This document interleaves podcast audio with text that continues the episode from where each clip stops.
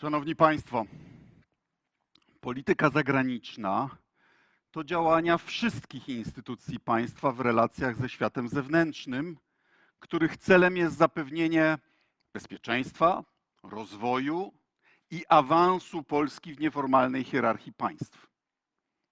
Skuteczna polityka zagraniczna musi być oparta na właściwej diagnozie otoczenia międzynarodowego, materialnych i niematerialnych zasobów własnych i trafnym odczytaniu europejskiej i światowej koniunktury. Dopiero wtedy można zdecydować, jak i z kim współpracować na rzecz realizacji własnych interesów i jak zapobiegać ich naruszaniu przez konkurentów.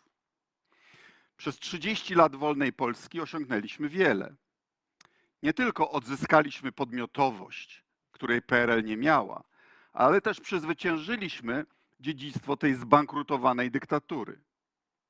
Wielkim wysiłkiem kolejnych rządów wstąpiliśmy do NATO i Unii Europejskiej i nadal mamy szansę powrotu do bycia postrzeganym jako kraj dynamiczny z ogromnym potencjałem. Kraj, który nie wciąga innych w swoje kłopoty, ale inspiruje swoimi sukcesami. Planując strategię narodową, trzeba sobie odpowiedzieć na kilka prostych pytań. Gdzie jesteśmy? Co chcemy osiągnąć? Jakimi środkami? I wreszcie z kim? A jaką strategię przyjął obecny rząd?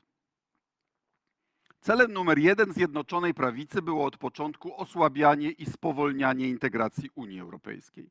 To dlatego zaraz po przejęciu władzy na pytanie o najbliższego sojusznika w Unii MSZ odpowiadało jednoznacznie Wielka Brytania. Celem numer dwa było zawarcie ideologicznego sojuszu nie tyle ze Stanami Zjednoczonymi, co osobiście z jej prezydentem Donaldem Trumpem. Nacjonalistyczny prezydent U- y, USA miał nie tylko zapewnić Polsce bezpieczeństwo, ale i ochronić ekipę rządzącą przed skutkami kłótni z większością naszych sąsiadów i kluczowych państw Unii. Walcząca ramię w ramię z altprawicą Polska miała być państwem frontowym rzekomej wojny cywilizacyjnej, a jednocześnie zrealizować marzenie o uprzywilejowanym sojuszu, który publicyści nazywają projektem Izraela nad Wisłą. Po trzecie, Polska miała wrócić do potęgi czasów Jagiellonów poprzez koncepcję Trójmorza, w którym to nasz kraj miał przewodzić całemu regionowi w jednoczesnym odstraszaniu Rosji i równoważeniu Niemiec. Po czwarte, poprawić miał się wizerunek Polski, a środkiem do tego miała, miały być hollywoodzkie produkcje filmowe, setki milionów na promocję zagraniczną y, i nowa polityka historyczna w postaci ustawy o IPN, która, przypomnijmy, przewidywała kary dla naukowców za niewłaściwe opinie na temat losu polskich Żydów w czasie II wojny światowej. Po sześciu latach możemy już ocenić, na ile te projekty się udały. Sojusz z Wielką Brytanią w sprawach Unii Europejskiej jest nieco utrudniony przez fakt, że angielscy nacjonaliści po dekadach szczucia na Unię doprowadzili do Brexitu. W Unii naszym sojusznikiem są dziś prorosyjskie, eurosceptyczne i tak jak my na cenzurowanym Węgry Viktora Orbana. I to raczej Węgry są protektorem Polski przed skutkami łamania praworządności przez PiS.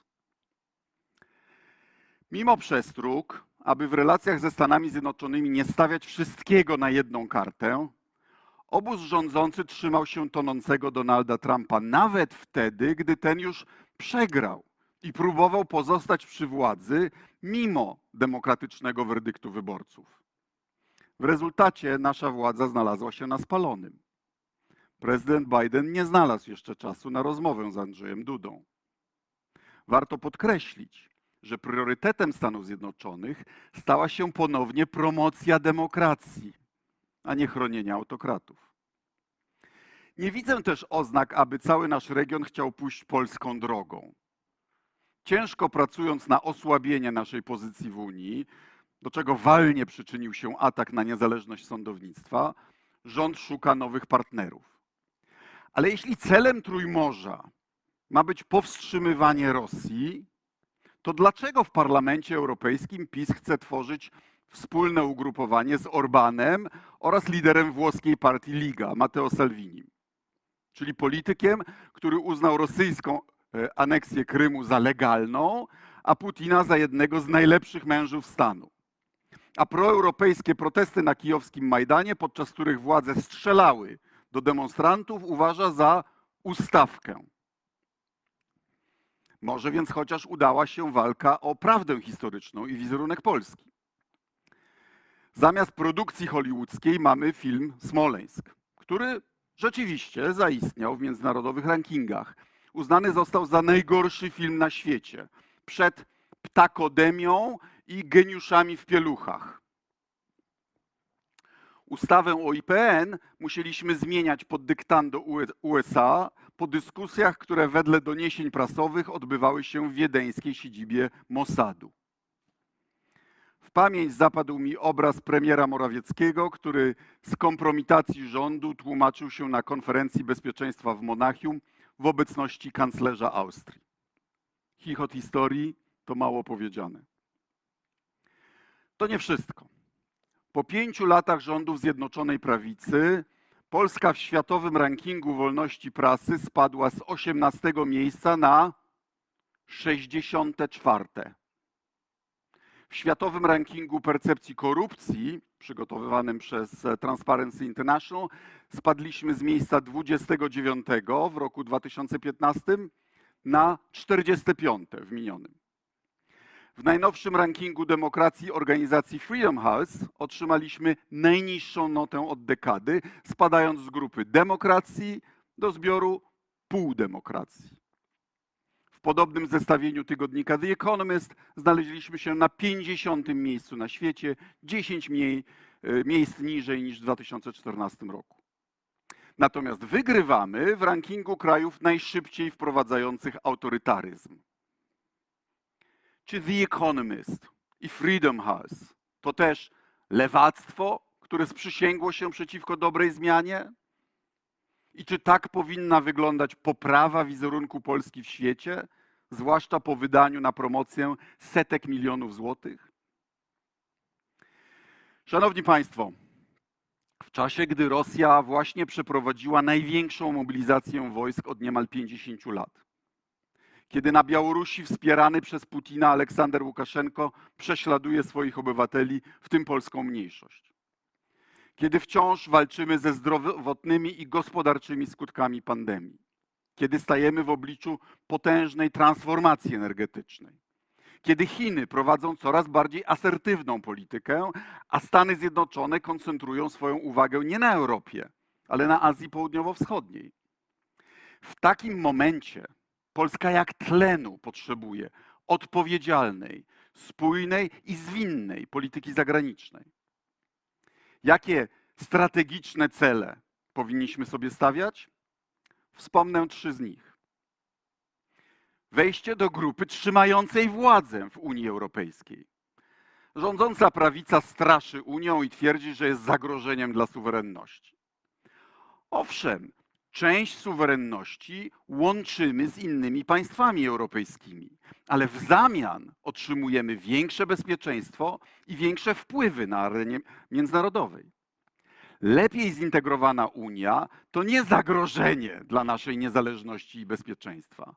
To narzędzie do ich obrony. Najlepsze, jakie mamy.